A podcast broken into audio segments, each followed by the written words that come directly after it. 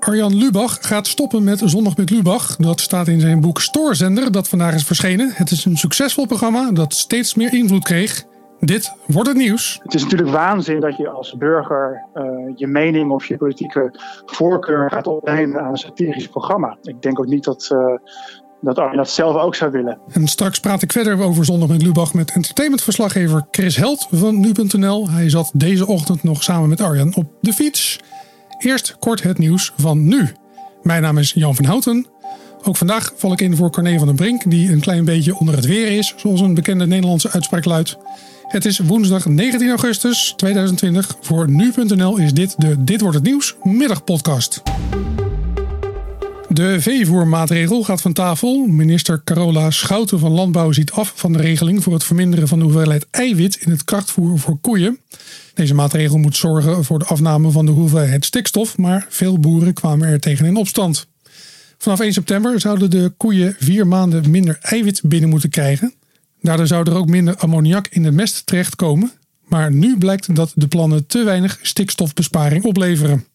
Die besparing was nodig om ruimte te maken voor woningbouw en infrastructurele projecten. Vanaf vandaag zijn op het corona-dashboard ook de rioolwatergegevens te zien. De RIVM onderzoekt al sinds april het rioolwater op de aanwezigheid van het coronavirus. Er staan inmiddels 80 meetpunten bij de diverse waterzuiveringsinstallaties, waardoor het rioolwater kan worden onderzocht van ruim 10 miljoen mensen. Volgens minister Hugo de Jonge van Volksgezondheid is er met deze data meer zicht op de verspreiding van het virus op regionaal niveau. Uit onderzoek blijkt dat het coronavirus in menselijke ontlasting terug te vinden kan zijn, al voordat de patiënt klachten krijgt. Het ventilatiesysteem in een verpleeghuis in Maasluis heeft waarschijnlijk geen rol gespeeld bij de verspreiding van het coronavirus daar. Dat zegt het Rijksinstituut voor Volksgezondheid en Milieu, die daarmee de conclusies overneemt van de GGD Rotterdam-Rijnmond. In verpleeghuis De Tweemaster raakten in juni 17 bewoners en 18 medewerkers besmet. Zes bewoners zijn overleden aan de gevolgen van COVID-19. Diverse media melden eerder dat de ventilatie een belangrijke rol heeft gespeeld, maar na onderzoek blijkt dat niet de meest aannemelijke reden. Volgens de GGD Rotterdam-Rijnmond is het virus waarschijnlijk verspreid door een besmette bewoner of besmette medewerkers. De politie heeft twee mannen opgepakt die worden verdacht van het oproepen tot rellen in de Utrechtse wijk Kanaleiland. Het gaat om twee mannen van 22 en 26 jaar uit Hilversum. Ze zouden berichten op sociale media hebben geplaatst die opruiend waren. De maximumstraf voor opruiing is vijf jaar, al dus het Openbaar Ministerie. De onrust brak vorige week vrijdag uit in de Utrechtse wijk. Zo'n 300 jongeren bekogelden de agenten en met vuurwerk en richtten vernielingen aan. De mobiele eenheid werd ingeschakeld om de situatie onder controle te krijgen. 18 jongeren werden toen al gearresteerd. En het is officieel, Ronald Koeman wordt de nieuwe trainer van voetbalclub Barcelona en stopt dus als bondscoach van het Nederlands elftal. Vanavond om 6 uur wordt Ronald Koeman in Barcelona voorgesteld als nieuwe coach. Hij tekent een contract van twee jaar. Koeman volgt Kike Setien op, die weg moest naar de dramatische 8-2 nederlaag tegen Bayern München in de kwartfinales van de Champions League. De spelers van het Nederlands elftal hebben begrip voor de keuze van Ronald Koeman, ook al komt zijn vertrek vrij abrupt en minder dan een jaar voor het Europees kampioenschap. En dan, Arjan Lubach gaat stoppen met zijn succesvolle programma Zondag met Lubach. Dat schrijft hij in zijn boek Stoorzender, dat vandaag is uitgekomen. Volgens Lubach komt het doordat er een gebrek is aan geschikte items. Er zijn nu eenmaal maar een beperkt aantal heel zware onderwerpen die zich lenen voor 20 minuten boosheid en verontwaardiging. Al dus Lubach. Daarmee komt dus aan het einde van het komende seizoen een einde aan het programma waarmee hij in 2014 begon.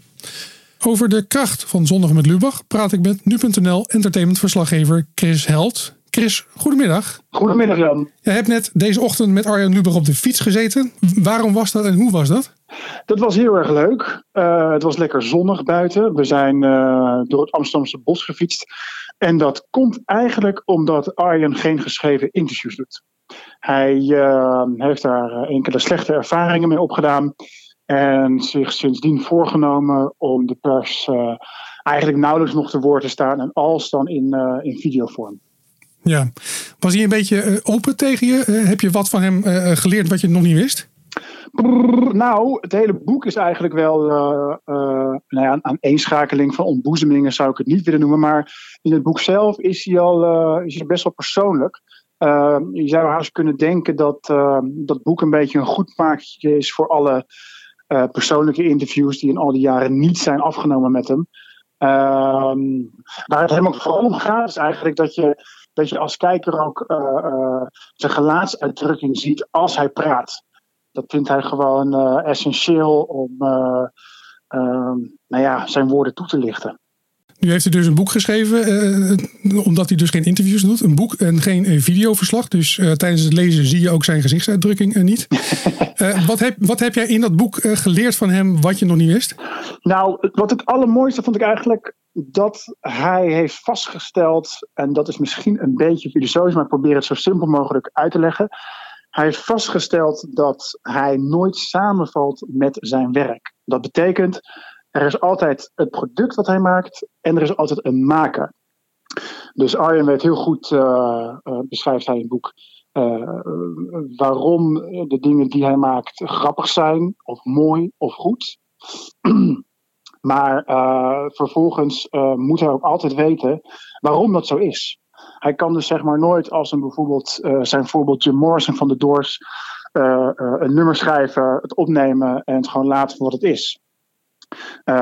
Dus in zekere zin controleert de kunstenaar zichzelf. En de vraag is, kan dat? En daar worstelt hij ook heel erg mee. Ja, dat is heel erg zweverig. Wat meer concreet is eigenlijk hoe zijn vriendengroep eruit ziet. Dat eigenlijk ook, die ook tamelijk samenvalt met zijn redactie. hoe hij met zijn vriendin omgaat. Uh, het zijn hele liefdevolle beschrijvingen. Uh, die, uh, ja, dat, dat, dat is een beetje soms een contrast met Arjen Lubach, die wij zes jaar lang gewend zijn geraakt op de zondagavond. Weet je, de pragmatische, soms cynische grappenmaker. dus daar steekt het boek wel goed bij af. Ja, want Arjan Lubach is een alleskunner. Hij uh, maakt niet alleen televisie, maar ook schrijft uh, boeken, maakt muziek. hij gaat ook theater in, is hij afgelopen seizoen geweest. Ja. is televisie maken meer, meer en meer voor hem een bijzaak geworden? Nee, dat zou ik niet zeggen. Dat zou ik niet zeggen. Ik denk, ik denk juist dat vooral Zonne met Lubach misschien wel op plek 1 is gekomen. alleen al omdat het zoveel tijd vergt om, om een, om een uitzending te maken. Uh, want hij benadrukt ook in het boek hoeveel, er, hoeveel werk er wordt verricht, hoeveel onderzoek er over wordt verricht, voordat ze tot uh, bepaalde conclusies komen. En uh, ja, die theatertour heeft hij eigenlijk ook een beetje tussen de bedrijven doorgedaan. in het boek legt hij ook uit dat het een fout is geweest, want hij heeft veel te weinig try-outs gegeven, waardoor zijn stof minder goed in zijn hoofd zat en hij ook eigenlijk veel tijd nodig had om uh, erachter te komen wat nou werkt en wat niet werkt. Ja, en dit boek is ook zoiets, dat doet hij dan ook tussendoor. hij begint eraan, stuurt het vervolgens rond naar zijn vriendin, naar de uitgever. En dan komt er weer eens uit. En, uh, en, vergeet zijn muziek maken natuurlijk ook niet. Dat, uh, dat doet hij ook nog. Ehm, dus het, zijn, het zijn eigenlijk veel bijzaken. En ik denk dat tv wel de hoofdzaak is. Ja, je zegt net dat eh, het maken van Zondag met Lubach heel veel tijd eh, vergt. Maar zelf zegt hij dat hij ermee eh, gaat stoppen door het gebrek aan geschikte items. Je zou toch zeggen dat er genoeg in de wereld gebeurt en ook in Nederland gebeurt, lijkt mij. Nou ja, dat is, dat is, um, dat is één deel van het antwoord waar hij ook tegenaan loopt, is zeg maar het format zelf. Is dat er zeg maar weer steeds weer hetzelfde mannetje in een pak met eenzelfde soort grappen op eenzelfde manier bepaalde problemen aanvliegt. Daarbij komt wat jij zegt natuurlijk ook nog dat het uh, geen eindeloze put is waar, uh, je onderwerp uit kan halen. En wat ook heel erg meespeelt, is de perceptie van Zondag met Lubach. Het is natuurlijk onwijs populair geworden over de jaren. Er kijken meer dan miljoen mensen naar. Uh, een bijkomstigheid daarvan is dat het ook mensen aantrekt die groot wantrouwen hebben tegenover de Nederlandse politiek. En ook de wereldpolitiek. Uh, en deze mensen zien zich ook voor een groot deel bevestigd in de uh, satire van Lubach. Dat wil zeggen, Lubach, ja, Lubach is het gewoon, die weet gewoon zeker dat premier Rutte niet slechts voor in Nederland.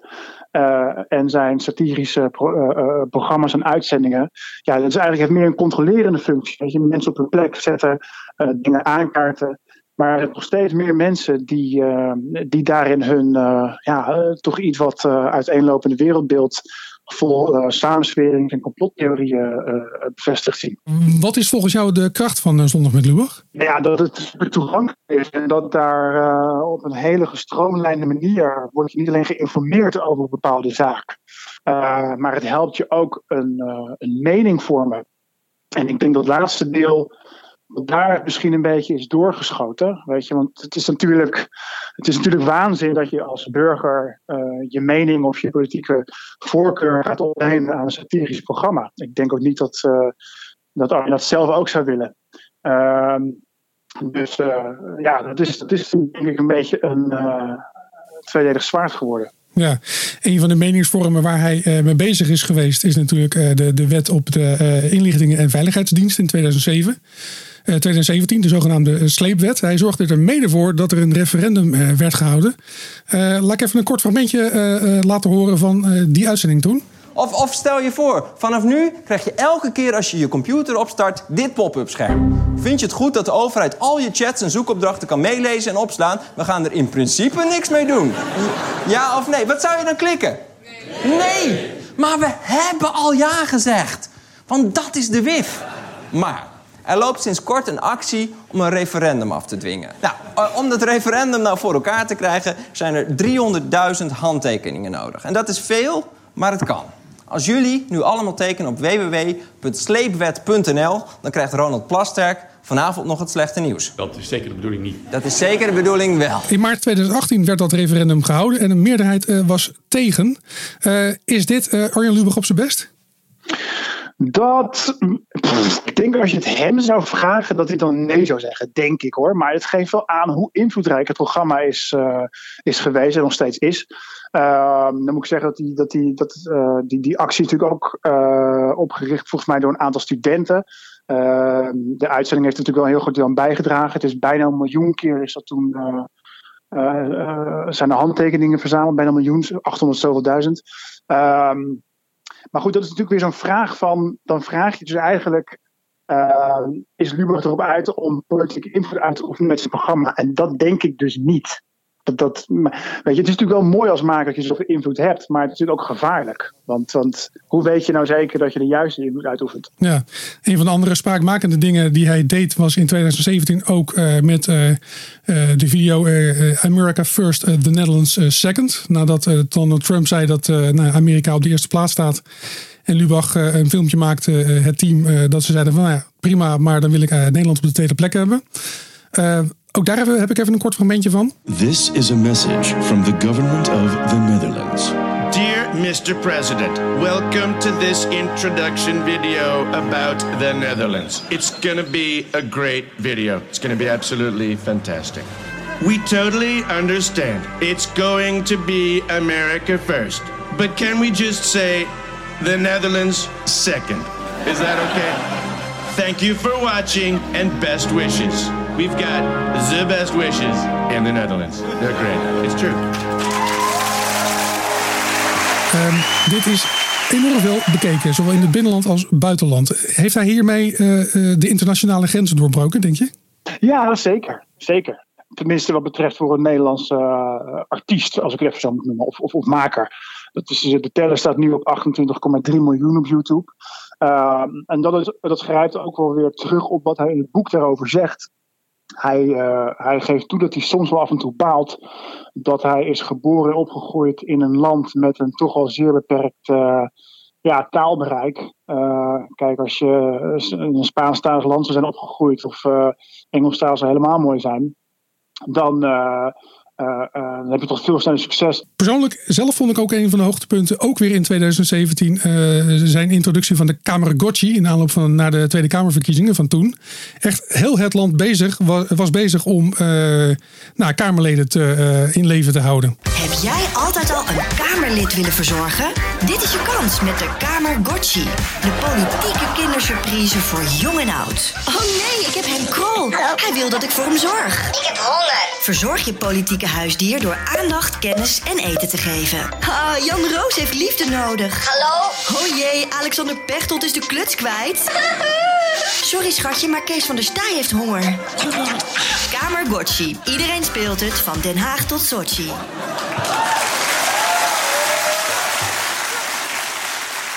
Dit was heel succesvol. Echt iedereen in Nederland was ermee bezig, toch? Ja, dat was lachen. Dat was lachen. En vooral uh, weet ik nog dat je uh, volgens mij uh, als, als, als een bepaalde politicus die jij dan had als, als, als als die een, een gewaagde had gedaan, dan kreeg je ook de melding dat hij dan meer aandacht nodig had. Dus dit was een, dit was een hele nieuwe manier van, van contact met, met een politicus. Ja, eh, meer bij toeval, al deze drie fragmenten eh, waren uit 2017. Eh, is dit wel toeval eigenlijk? Was zij toen op zo'n hoogtepunt en is het daarna alleen maar minder geworden? Of is het echt toeval dit? Mm, nou, ik denk dat dat, dat weet ik trouwens niet. Maar kijk, een beetje, het is niet alleen maar dat hij ehm, altijd maar viral moest gaan met dingen. Want het is ook vaak wel dat ze, dat ze toch wel een heel nieuw inzicht gaven op een bepaald onderwerp. Of een, en dat, ook, dat het ook heel erg inspirerend was. En dat is natuurlijk ook een kracht van het programma geweest. Zijn er mensen die het eh, programma niet zullen missen, denk je? Oh, vast wel. Ik bedoel, weet je, als je veel. Uh, als er veel mensen zijn die je leuk vinden, heb je ook veel mensen die hekel hebben. Uh, en ik denk qua politiek, ja, weet je, het is. Uh, ik, ik denk dat veel politici het wel fijn vinden dat ze een beetje in de luwte kunnen blijven nu, de komende tijd. en ik denk dat uh, dat veel oppositieleden het zullen missen. Want dat is, uh, ik denk, heus wel uh, een grote bron geweest voor veel oppositieleden in de Kamer. Entertainmentverslaggever Chris Held van Nu.nl, dankjewel. Het boek Stoorzender van Arjen Lubach ligt vanaf vandaag in de winkels. Op 20 september begint de laatste reeks Zondag met Lubach bij de VPRO op televisie. En komende vrijdag komt het gesprek dat Chris had op de fiets met Arjan op Nu.nl. En wat voor weer wordt het vanavond? Vandaag was het een zonnige en warme dag, maar in de loop van de middag neemt er vanuit de westen de bewolking toe. In de avond valt hier regen uit. Eerst in het westen van het land, maar in de loop van de nacht ook in het binnenland. Morgenochtend trekt de regen weg en is de zon weer vaker te zien. Het wordt morgen weer lekker warm, van 27 graden aan de kust tot 31 graden in het oosten van het land. En om af te sluiten, de moedermelk van vrouwen die besmet zijn geraakt met het coronavirus bevat antistoffen tegen het virus. Dat ontdekten onderzoekers van het Emma Kinderziekenhuis in Amsterdam. De antistoffen in de moedermelk waren ook aanwezig nadat de melk was opgewarmd, oftewel gepasteuriseerd. En daardoor is moedermelk ook bruikbaar voor anderen. Deze ontdekking kan er wellicht toe leiden dat moedermelk gebruikt kan worden om infecties tegen te gaan van COVID-19 bij bijvoorbeeld zwakke patiënten. En tot zover de Dit Wordt Het Nieuws middagpodcast voor deze woensdag 19 augustus. Wil je ons wat vertellen? Je kunt ons altijd bereiken op, uh, voor tips en suggesties op het e-mailadres podcastapenstaartje.nu.nl. Mijn naam is Jan van Houten. Morgenochtend zijn we er weer om 6 uur voor de ochtendeditie. Ik wens je nog een fijne woensdagavond.